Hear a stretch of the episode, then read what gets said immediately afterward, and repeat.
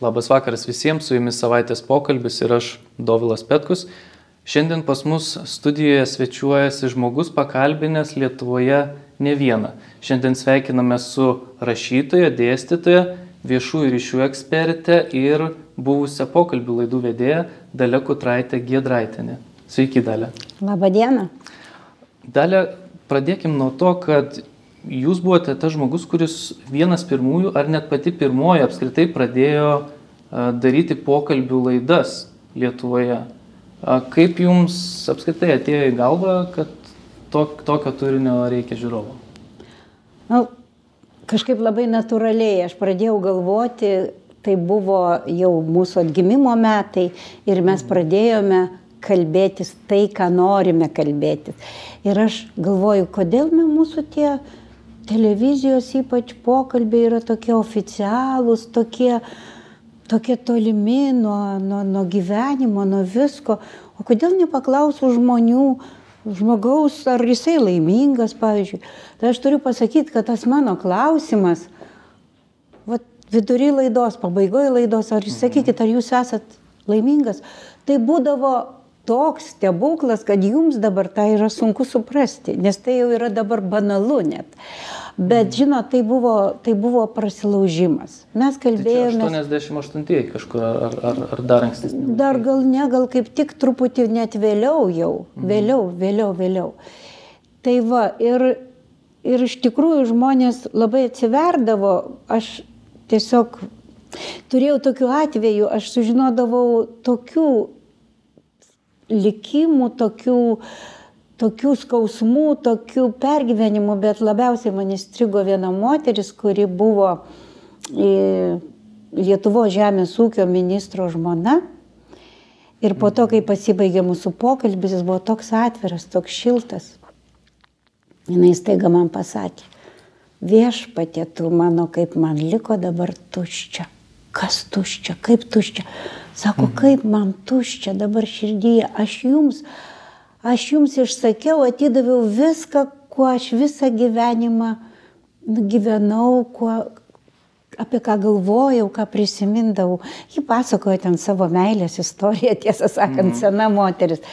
Bet tada aš truputį sutrikau, nes, žinot, Aš kažkaip pagalvojau, visada taip didžiuojasi žurnalistas ir laimingas, kai jam pasiseka prakalbinti žmogų, įlysti į jo širdelę, visą, visą kaip sakyt, luobą nukrapštyti.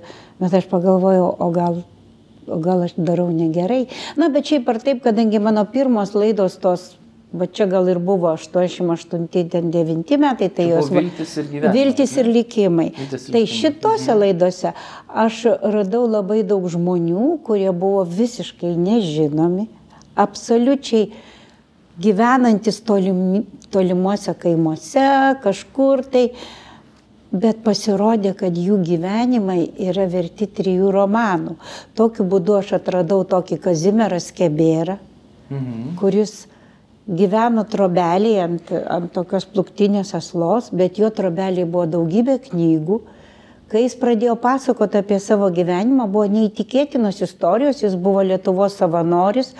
Jis man, dabar aš nežinau, kiek tame buvo tiesos, kiek netiesos, bet jeigu ir netiesa, tai buvo su tokia fantazija žmogus. Jis pasakojo apie savo susitikimus su Musoliniu, jis pasakojo apie tai, kaip jis keliavo e, piramidžių pavėsyje, jisai pasakojo viską apie Lietuvą ir kaip jisai ten visur, visur dalyvavo.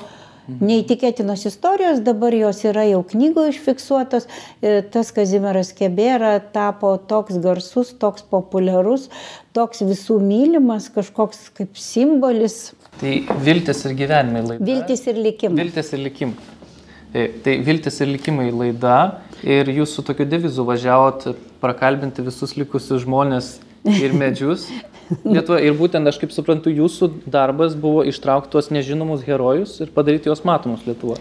Taip, tai buvo toks, tas ciklas buvo toks.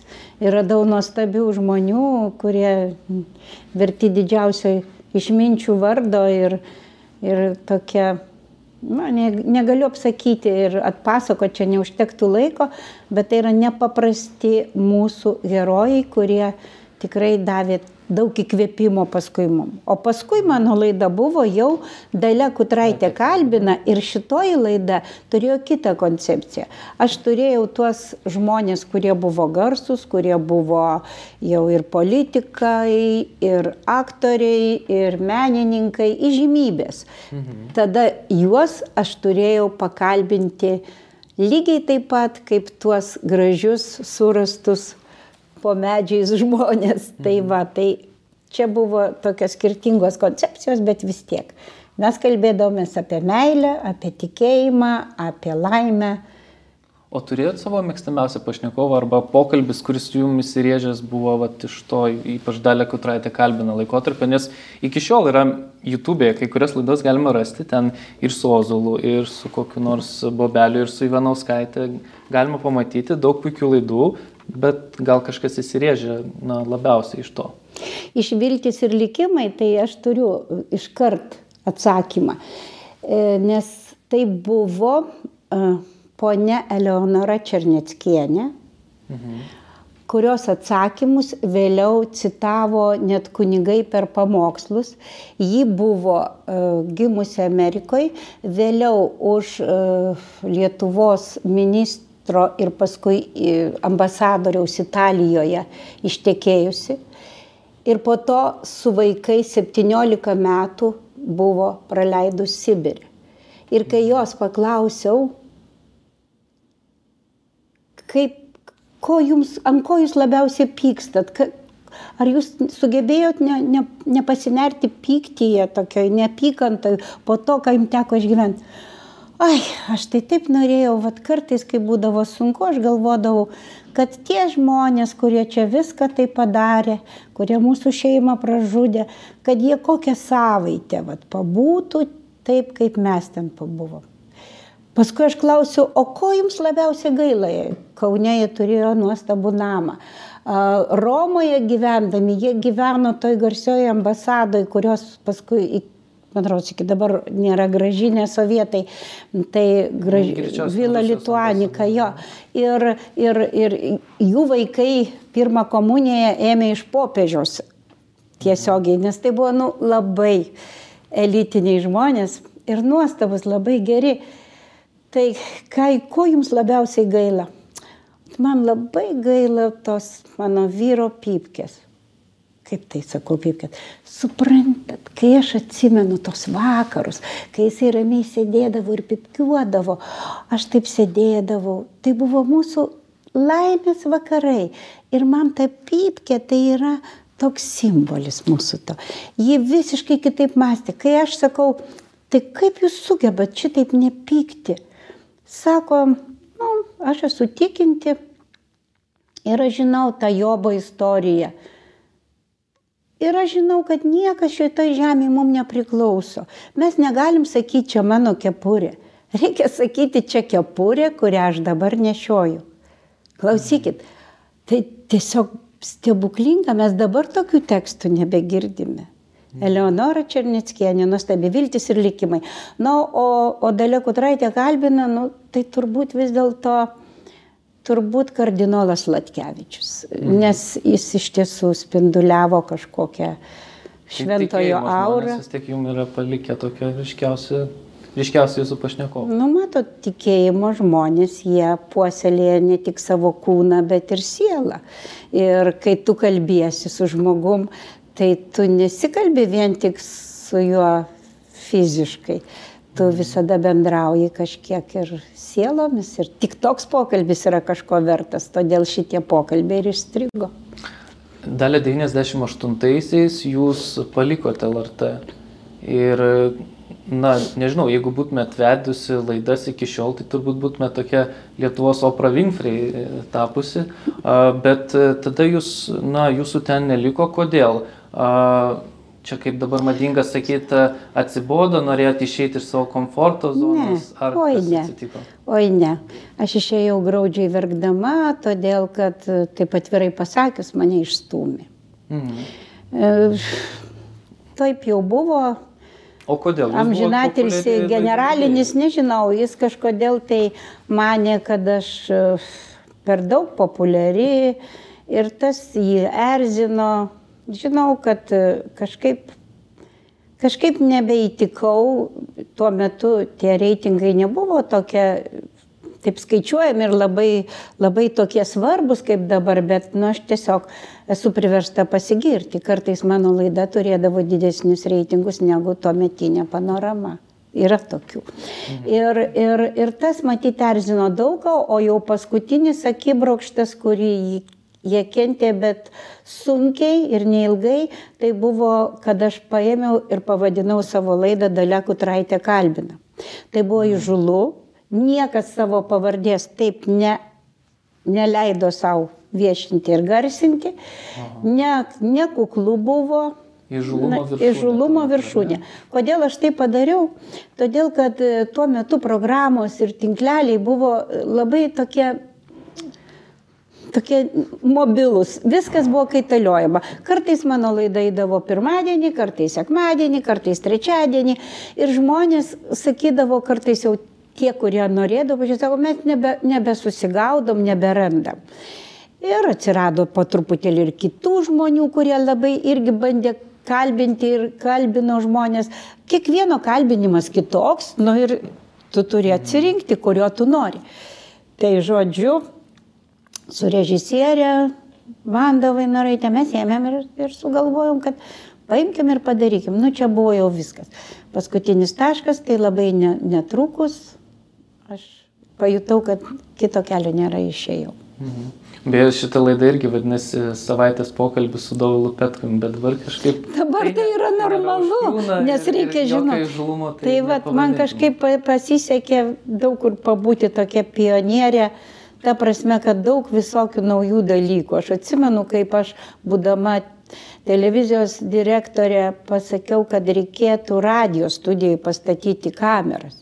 Tai mhm. irgi buvau visiškai, nu, Kas čia mano yra... tokie drastiški na. dalykai buvo drastiški labai. Dabar tas yra normalu. Antras dalykas, aš dar prieš jausdama, kad jau turiu išeiti, mm, kad jau viskas mano, aš paėmiau ir pakviečiau Algimantą Čekuolį. Mhm. Algimantą Čekuolį pakviečiau, įdėjau tą laidą, greit suspėjau viską padaryti. Ir, ir Algimantas Čekuolis iki dabar mane vadina krikštamotė, nes jisai šitiek metų vedė tą laidą Lietuvos televizijai. Kodėl čia buvo irgi žulu? Nesgi Kutraitė nesuprato, kad kalbančių galvų laikas seniausiai praėjo. Turėjo būti dinamika, greitas filmavimas, montažas, o čia dabar atsisės čia kolis ir pasakos. Aš bandžiau sakyti, kad priklauso nuo to, kas pasakoja ir kaip pasakoja. Ir kad kalbančių galvų, nu, duok dievė, gal ne tik kalbančių, bet ir mąstančių galvų laikas niekada nepraeis. Mhm. Taip pat buvo viena populiariausių laidų. Tai va. Tu... A, Dalė, tada dar pakalbam ir apie žiniasklaidą. Tiesą sakant, kai aš sakiau, e, na, vardinau jūsų pareigas, aš netgi nepasakiau, kad jūs esate žurnalistė, nes vienam pokalbį jūs sakėt, kad man jau kartais darosi nepatogu prisistatyti kaip žurnalistė. Kodėl? Todėl, kad žurnalistika paklydo. Žurnalistika yra mano meilė bet meilė, kuri visiškai suklupo. Man taip yra liūdna, kadangi, nu, čia jau dabar keista ir sakyti, žurnalistika nebeatspindi pasaulio, bet atspindi kažkokią vieną mažą jo pusę, jo dalį ir taip toliau. Žurnalistikoje nebėra nuomonių įvairovės, kaip turi būti. Labai daug pamesta vertybių, labai nėra objektivumo, labai viskas politizuota. Na ir žodžiu, kaip pasakyti, viskas yra taip, kaip turi būti. Tokią žurnalistiką aš jau mačiau, beje, tai buvo sovietmečių, suprantu, kaip čia dabar visi mane gali pulti ir sudraskyti, bet mėlyjeji yra tas pats. Ir tada skambėjo gražus tekstai, gražus žodžiai apie brolybę, apie draugystę, apie taiką. Mhm. Tačiau tai buvo deklaratyvu. Dabar yra taip, kaip, kaip tais metais, kaip mes, kai prasidėjo sąjūdis, virtuviai žmonės, mes taip vadindavom virtuviai, nes tuo metu nelabai būdavo kur rinktis. kalbėjosi vieną, o viešajame Kita. kitą. Ir taip visi dvigubus gyvenimus gyvenome, kad dabar tokio nebesinori. Ir man labai skaudu, kad žurnalistikai trūksta drąsos ir viskas yra, nu kaip. Antraštis neatspindi turinio, turinys neatspindi visų gyvenimų ir visų nuomonių. Ir čia taip atsitiko, kaip komunikacijos jau žmogus sakau, paradoksalu, kuo daugiau komunikacijos kanalų ir galimybių, tuo mažiau mes žinome apie pasaulį. Mes pasimetėme, mes nebežinome, kas yra tiesa. Aš žinau, kad yra daug teisingų, gabių, protingų žurnalistų. Aš netgi pergyvenu, kad ir jiems labai dažnai jau tenka rašyti ir kalbėti nebūtinai tą, ką galvoja. Mhm. Bet vis dėlto, kaip Jūs galvojat, kodėl taip nutiko? Ar tai yra kažkoks, e, nežinau, politinis režimas, pavadinkim, nu taip e, pasikeitė politinė aplinka, politikai kažkaip pradėjo formuluoti kitokią tą atmosferą, ar čia kažkokia verslo gal įtaka, gal čia Verslo įtaka, žaidžia, todėl kad čia? pinigai, todėl kad, kad žurnalistas turi gauti aukščiausius reitingus, tuos klikus vi- įvairių pavydalų ir tada tie klikai virsta pinigais, už kuriuos mokama žurnalistas atlyginimas. Tai daug priežasčių ir tiesiog net sunku būtų vieną įvardinti, bet, bet yra taip, kaip yra, kad žurnalistika nebėra iš tikrųjų tas sarginis šuo, bet jis yra šuo kandantis tik viena kryptim. Mhm. Tik viena kryptim. Kuria kryptimi? Ta kryptim, kur yra kažkas, kas netitinka tuos didžiosios srovės, bendrosios minties. Būti kitokiu labai sunku. Ir labai daug, man net gaila tų žmonių, nes turbūt daug kas nebeturi galimybės ir drąsos pasakyti tą, ką galvoja. Bet jisai sako tai, ką reikia, jis tokiu būdu bus geresnis, labiau patiks, e, populiaresnis ir taip toliau.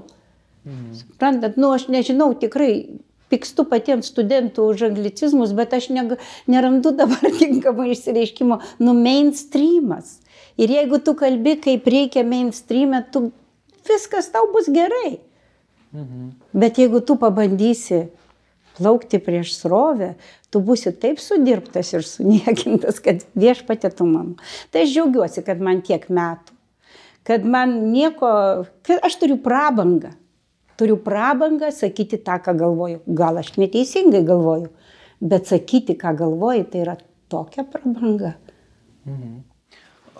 Dalį jūs taip pat minėjot, kad apskritai e, žurnalistų ruošimas, kad na, jis, jūs irgi kaip dėstėte turbūt pastebite Aš- geriausiai tą, a, mm, kad jis na, yra, yra tapęs tokiu nepakankamu, mes neparuošiam tų žiniasklaidos atstovų, jie neina į žurnalistiką, kai kurie iš jų nueina į viešuosius ryšius ir ten, jūs sakėt, jie būna į, net ir tam nepasiruošę. Ką jūs, ką jūs turite omeny? Matot, ką aš turiu omeny? Aš negaliu čia peikti labai žurnalistų ru- ruošimo, e, todėl kad e, pati ten kažkiek dėščiau, tai yra negarbinga. Bet e, aš tik noriu pasakyti, kad žurnalistas privalo būti nepaprastai išsilavinęs, universitetiškai, uni, universitetinė prasme. Bet jau antram kurse žurnalistai pradeda dirbti. Į paskaitas atbėga tik tai tiek, kiek reikia arba ir dar mažiau. Ir taip atsitinka, kad labai jauni, dar nelabai subrendę ir nelabai baigę universitetų žmonės pradeda dirbti. Jie važiuoja pirmą praktiką antro kurso, jie staiga pasigiria priduodami praktiką, penkis kart kalbinau tokį ir tokį ministrą. O sakau, o kokių tų klausimų dabar? Ir kaip čia tau taip atsitiko? O kodėl tu taip kalbinai tą ministrą? Tai ką, mamai norėjai pasakyti, kad va, pasigirt mums ar kas? Kokia tema? Nu, vieną kartą vat, kalbinau dėl uniformų įvedimo ten kažkokiam troleibusų vairuotojam. Kitą kartą ten dėl kažką, tai dėl kažkokių dar smulkmenų.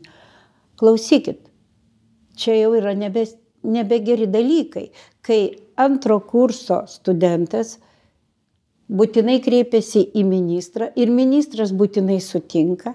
Ir tada tas, tas būsimasis žurnalistas jau galvoja viskas, pasiekęs jisai aukštumas ir dabar jau su kitais jis nebelabai ir norės kalbėti. žodžiu, žodžiu, toks iš, išsikraipimas mūsų vertybių tvarkų ir taip toliau. Ašgi mačiau, kokį, kaip pas prezidentą atvažiuodavo iš tiesų, nu labai labai jaunučiai, kurie dar gal nelabai žino mūsų valdžios struktūrų ir taip toliau, bet, bet vat, jie gaudavo kažkodėl užduoti pakalbinti prezidentą. E, Dalė, kalbant apie net ir aktualijas e, dabartinės ir, ir, ir žiniasklaidos vaidmenį, jame e, jūs buvot paminėjus net tokią frazę, berots moters žurnale interviu davėt, kur sakėt, kad dar labiau negu pandemijos aš bijau chaoso ir panikos, kur, kur, prie kurio iš esmės galima sakyti, na vis tiek jį formuoja ir už jį atsakinga yra žiniasklaida mūsų. Tai kaip jūs vat, matot visą šitą reikalą žiniasklaidos atsakomybę dabartinių aktualių temoje su pandemija susijusius? Matot, Dovilai, juk žiniasklaida labai kaunasi už dėmesį. O dėmesį dėmesys tai yra, sakau, anksčiau ir vėliau virsta kažkokiu pelnu, pinigais, nauda. O dėmesį gali patraukti tik tai e, skleisdamas ką? Baimės jausmą. Nėra stipriausia emocija. Stipriausia emocija, stipriausia emocija. Čia labai pasakysiu tokį analogiją. Kažkada Nürnbergo procese Geringo paklausė, kaip jūs sugebėjote šitiek išmintingų žmonių, išsilavinusių žmonių patraukti nacizmo pusę. Ką jūs jiems pasakėte, kokia buvo ideologija? Sako, čia ideologija ne prie ko.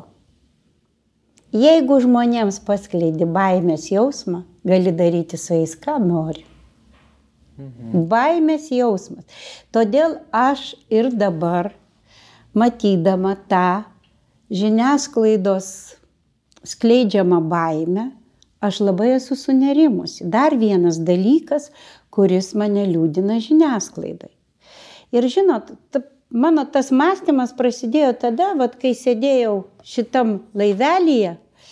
E, tai buvo praeitų metų kovo mėnesį, kai prasidėjo pandemija Ir mes atsidūrėme laive, laivo niekas jau nebepriėmė, o ant galų galo baigėsi tuo, kad laivas pradėjo sirgti ir, ir mums liepdavo sėdėti kajutėse, mums atneždavo maisto, kaip į zoologijos sodė, ant žemės padėdavo ir, ir visi šokdavo iš šono nuo mūsų. Bet mes turėjom televizorių.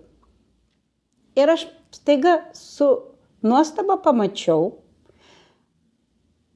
kad visos pasaulio televizijos dirba pagal vieną sistemą.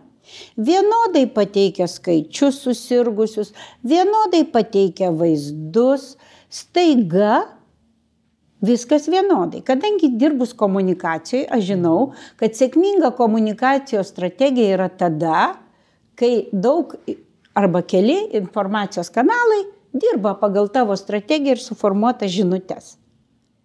Tai vis dėlto man pasirodė kažkas ne taip. Taip, iš tikrųjų, aš laukiau pasaulio pabaigos, buvo labai baisu ir, ir tikrai negalvojau, kad kada nors begrįšiu į Lietuvą, nei gyva, nei mirus, bet, bet, žinot, tas televizorius man sukėlė labai daug minčių. Mhm. Ir aš. Kokių? Va tokių minčių, kurias paskui mes savo su studentais paskaitose mm, aptariam. Ir, žinot, yra toks terminas dabar - globalūs viduramžiai. Mhm. Viduramžiai, kad tamsos ir nežinojimo yra tiek pat, kiek viduramžiais. O globalūs todėl, kad ta tamsa viskas pasiskleidžia vienu mygtuku visam pasauliu. Jeigu anksčiau kažkokie tai režimai, kažkas tai vykdavo mhm. uždaroj teritorijoje kažkokiai, o dabar galima visą tai valdyti labai gudriai. Viskas viskas darosi vienu metu. Pasaulis kaip vienas toks kaimas globalus. Žinot, e, sakau, dešimtam amžiui, vad kaip tik Avicena išmintingasis, jisai kovojo su juoduoju maru, man rodos. Ir iš tiesų buvo tokios pat priemonės ir rankas liepė plautis atstu ir pinigus metalinius sumesti į atstą ir, ir, ir iš turgų išsiskirstyti ir vengti ten būriuotis ir būti namuose. Bet prie viso ko jis pasakė, dešimtam amžiui vieną frazę, bet visų svarbiausia, neįsileiskite baimės, nes tada jūs pražusite. Tai dabar neįsileisti baimės yra labai sunku.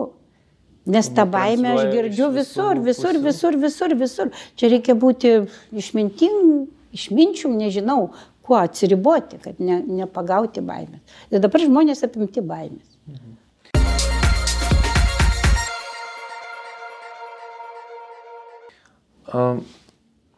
Dalė taip pat kalbant apie e, jūsų tolesnę veiklą, kuomet pabaigėt savo e, karjerą e, vesdama laidas 98 beros tai buvo metai ir jūs tada irgi tapot pionierė tokios, na, arba, arba irgi viena iš pirmųjų srities viešieji ryšiai, PR'as vadinamas, ar ne? Jūs tada su tuo mečio mero Rolandu Paksu jau 98-ais pradėjote dirbti. Kaip jums atėjo į galvas, kad, kad, kad, na, dabar jūs buvote žurnalistė ir staiga jūs tapsit uh, viena pirmųjų viešųjų ryšių specialistų. Lietuvoje. Žinot, į tą galvą neteina tiek daug gerų dalykų. Tiesiog e, tikrai čia reikia tikėti likimu, aukščiausiojų ir aš tik žinau vieną, kad mano gyvenime atsitikę buvo daug blogų dalykų, bet kai atsitinka blogas, kažkas blogo, jis visada išeina į gerą. Kai man teko atsisveikinti su televizija, be kurios aš gyvenimo neįsivaizdavau, aš visiškai netikėtai atsidūriau Vilniaus miesto savivaldybėje, kurioje iš vis nebuvau buvus net kokiu tai reikalų jokių tvarkyti. Ir tada, ir irgi buvo viskas labai, nu labai kažkaip mistiškai. Buvo sausio 13-osios minėjimas ir, ir ten vyksta koncertai mhm. Jonų bažnyčioje. Ir išeinant po to koncerto, Mm, aš pamačiau savo kalbintą herojų, merą Rolandą Paksą, jis paklau, pasisveikinom, sako, kaip laikaisi, sakau, ne kaip, sakau, čia jau iš televizijos į niekur. O, jis taip nudžiugo, sako, tai ateik pas mane. Kai, kur pas jūs, ko pas jūs? Nu ateik, ateik patarės. Ir kai atėjau, tai čia gal jis labiau sugalvojo, aš net nežinau, ką aš čia galiu daryti. Nu ir visi mane klausė, ką tu čia veiksi, ką tu čia veiksi. Sakau, nu, įvaizdžių rūpinčios, labai su kolegos sumaliai miltus, kokią gėdą tu bent jau nesakyk, nes galvoju, kad įvaizdis tai aš maždaug mero marškinius tvarkysiu ar šukuosiu. Tai, žinai. tai paskui aiškinomės, aiškinomės, aš ir pati pradėjau skaityti domėtis. Taip, aš valstybės institucijoje buvau pirmoji patarėja ryšiams su visuomenė. Mhm. Ir prasidėjo mano toks praktinis mokymasis ir tai buvo perėjimas į kitą fronto liniją, tiesą sakant. Reikia atskirti. Žurnalistas ir viešųjų ryšių specialistas, jis turi tos pačius įrankius, kaip teisininkas turi tos pačius įrankius, bet vienas tampa advokatu, o kitas prokuroru. Tai žurnalistas turi būti prokuroras, iš tikrųjų turi būti sąžiningas, tiesus ir ginti viešą interesą, o viešųjų ryšių specialistas advokatauja, viešumoje advokatauja savo atstovaujamai institucijai. Dalė čia jūsų kelias su Rolandu Paksu, jis nenutrūko, jis tęsės, jūs na, tapot iš žurnalistės tapot politikė ir vėliau netgi 2002-2003 metų sandūroje vadovavot, e, kalbama, kad įspūdingiausia iki šiol Lietuvoje rinkiminiai kampanijai, tai yra, na, tam Pakso skrydžiui į prezidentūrą. Pastebėta, jinai buvo beje ir užsienyje, ten, ten buvo ir, ir nemažai pinigų išleista jai. A, ką jūs darėt tokio išskirtinio? Kodėl jūs taip Lietuvoje ir užsienį pastebėjot? Mes dirbom ir dirbom labai ilgai kai dar kiti net ne, negalvojo, kad jau reikia ruoštis, mes jau dirbom, tai nežinau, metus iki rinkimų.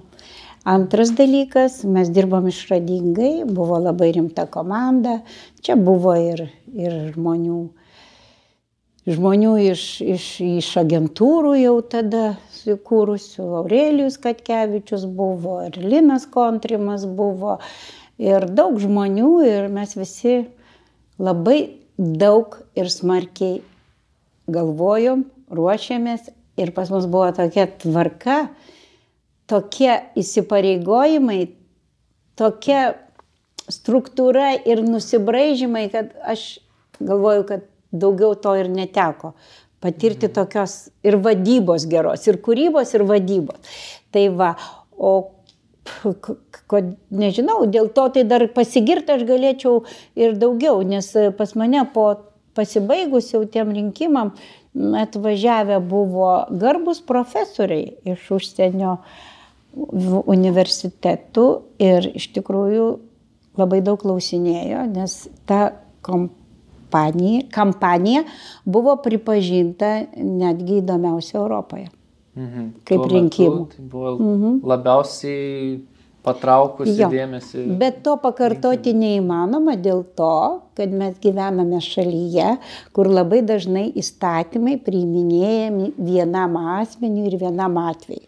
Iškart po to buvo pakeisti rinkimų įstatymai, kurie dabar neleidžia nieko išskyrus nuobodžius, nieko, nie jokios įtakos neturinčius debatus, kur negalima nei mes, sakykime, cukraus mažą paketėlį dovanodom su geru įrašu, ar ne, ar mhm. riešutą, kurį reikia išgliaudyti. Tai ir finansavimo turbūt įstatymus, kurį. Taip, finansavimo įstatymus dabar negalima. Ir finansavimo, partijas. ir koncertų negalima, ir nieko negalima, ir riešuto negalima dovanoti, ir tušinuko negalima dovanoti.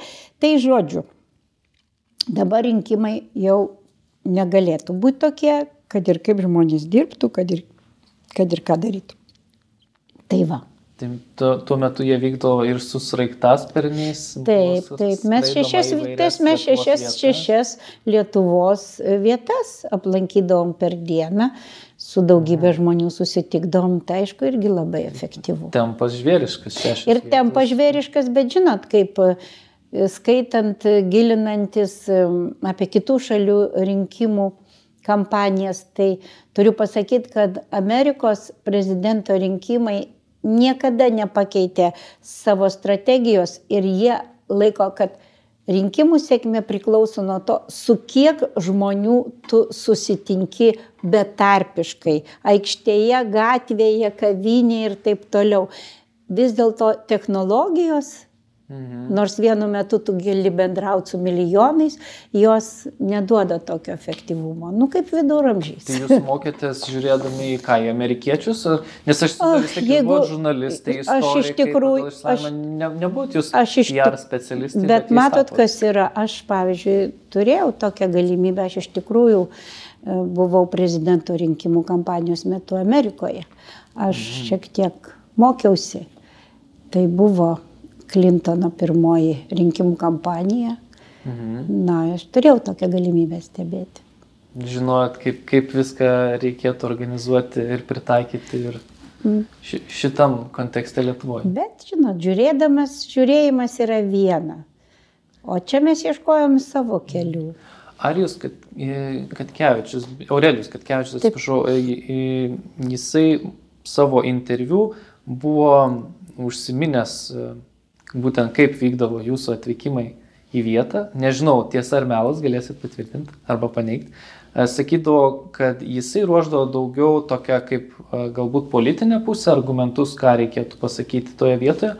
O dalė sako, turėjo tiesiog nepaprastą dovaną empatijos pojūčiui. Jie ateidavo, jausdavo puikiai auditoriją ir pasakydavo, kokią emociją reikėtų jungti kalbant. Nu, taip, Čia tiesa? Jau, taip, iš, iš dalies taip, bet kad mes jau būtume taip griežtai pasidalinę, man irgi tekdavo rašyti ir, ir tezių, ir apgalvojimų. Nu, žmonės aš jutau iš dėl ko? Jutau dėl tų savo buvusių interviu. Aš irgi buvau kaip, kaip sakėt, pakalbinus visus žmonės ir medžius. Ir aš žinojau, ir aš žinojau, kaip žmonės gali reaguoti. Tiems dabar vat, esantiems politikos konsultantams.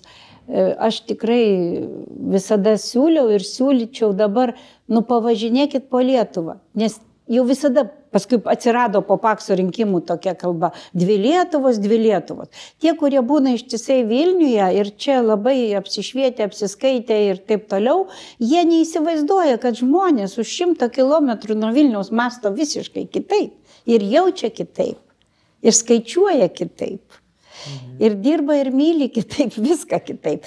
Tai žodžiu, aš iš tikrųjų galvoju, kad aš turėjau tokią galimybę, čia Aurelius teisus ir, ir tikrai visada galėdavau numatyti, kas žmonėm patiks, kas nepatiks. Bet mes kažkaip labai bendradarbiavome, labai taip glaudžiai, kad sunku labai taip man būtų ir atskirti, kad jis tą, aš tą, taip turbūt. O žiūrėkit, praėjus metam nuo to mūsų aptarto laikotarpio prasidėjo tas e, prezidentinis skandalas, Borisovo skandalai. Nesigailit, kad dalyvavot e, toje kampanijoje apskritai ir, ir ką galbūt, na, išmokot iš politikos, ką, ką išsinešėt iš, iš to laikotarpio, nes aš įsivaizduoju, kad buvo, nu, labai įtemptas laikas. Ir jūs, ir jūs aš, aš suda visus tos žmonės, kurie tuo metu buvo toje aplinkoje, na, ir su savotiška žyme, jie išėjo iš... Taip, iš taip, manęs niekur po to nepriėmė, jau, mes visi buvom paženklinti, kaip sako, su įspaudais, bet Aš labai dėkinga už tą laikotarpį. Aš galvoju, kad čia mano Harvardas. Aš tiek daug išmokau ir ne tik per tuos rinkimus, bet per tą savo trumpą politinę karjerą, kurios metu aš iš viso aplankiau, pabuvau, ką reiškia aplankiau, dirbau visose valstybės institucijose. Savivaldybėje, Seime, vyriausybės kanclerė, spėjau pabūti ir prezidentūrai. Tai už tokią patirtį čia ne tas pats, kas praktiką atlikti šituose visose. Aš dabar už tai, aš dėkoju Dievui už tai, nes aš dabar kitaip matau. Aš kitaip matau tos pranešimus, gal dėl to esu ir, na, ir tokia priekabesnė ir tai žurnalistikai, nes aš ir ją matau iš kitos pusės, ir politiką iš kitos, iš visų pusių matau. Pasaulį matau iš kelių bokštų, iš, iš žurnalistikos iš politikos ir matau iš tų komunikacijos viešųjų ryšių dalykų. Tai man pasaulis įvairesnis. O aš apie tą laikotarpį jo. dar noriu pasakyti. Visko ten buvo ir nebuvo ten galbūt ne viskas gal visiškai išteisinama, pateisinama, bet žinot, aš kaip tik visai neseniai atsiminiau vieną prezidento Rolando Pakso frazę. Aš sako tik vieną noriu pasakyti. Tai jeigu jie šitaip gali pasielgti su prezidentu, ką jie gali padaryti su kiekvienu iš jūsų? Ir kodėl aš dabar atsimenu šitą frazę, tai turbūt atsakymas yra aiškus. Aš kažką tai tokio matau, kaip sistema elgesi su kiekvienu iš mūsų. Aš nebesijaučiu laisva ir nesijaučiu saugi.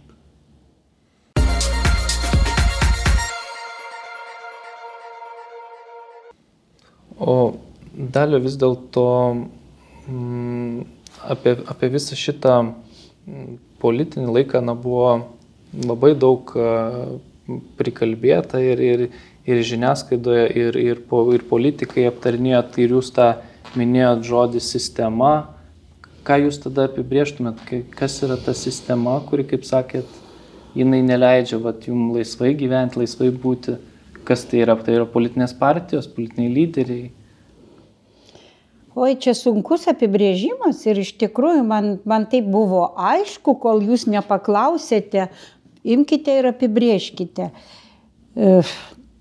sistema yra tvarka, kurią skleidžia tie, kuriems priklauso viešasis informacinis laukas, jeigu taip mandrai pasakius, ar ne? E, manyčiau taip. Sistema yra tvarka, kurie, kurią nustato tie, kurie yra valdžioje. Mhm.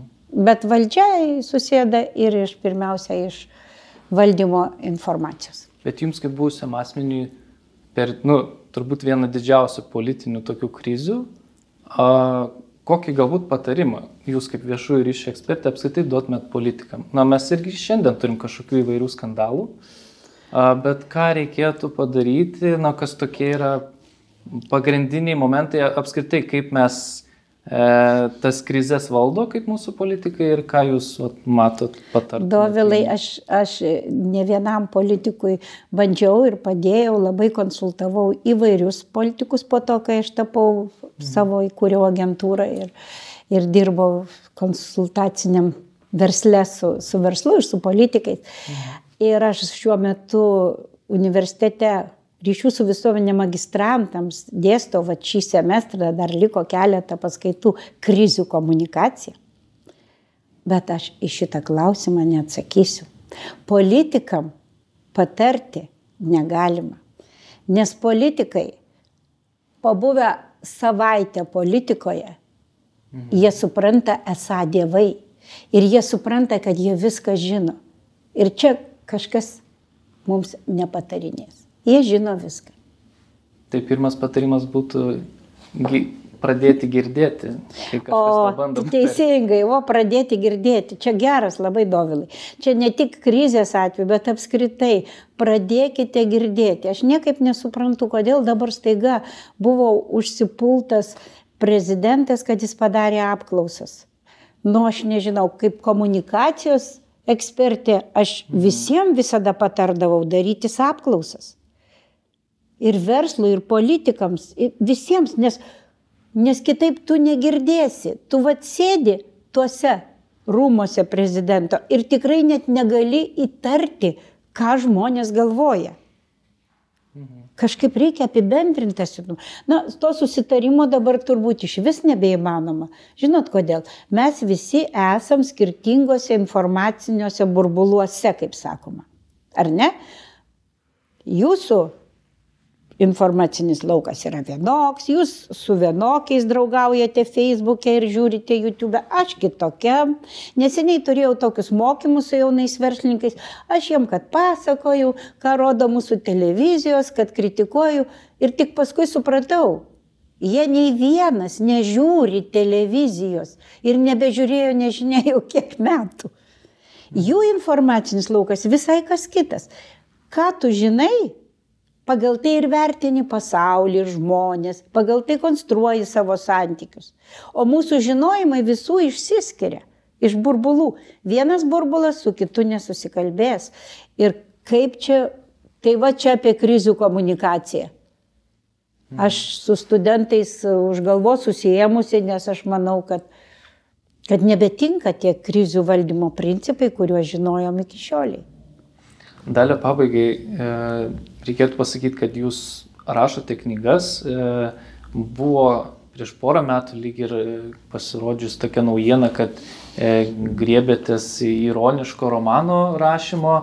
Šiandieną matome kitą, kitą knygą. Apskritai, apie ką yra jūsų knygos ir apie ką jūs galbūt dar šiuo metu išleidot knygą arba planuojat parašyti? Mano knygos labai skirtingos. E, pirmosios yra tai mano televizijos interviu perkeltas į knygą.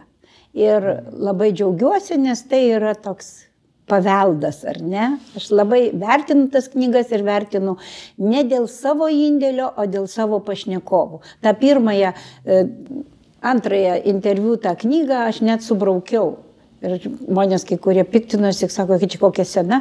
Nesena. Aš subraukiau auksinės mintys savo pašnekovų. Nes tai yra kaip vadovėlis. Atsiverti, paskaitai viską.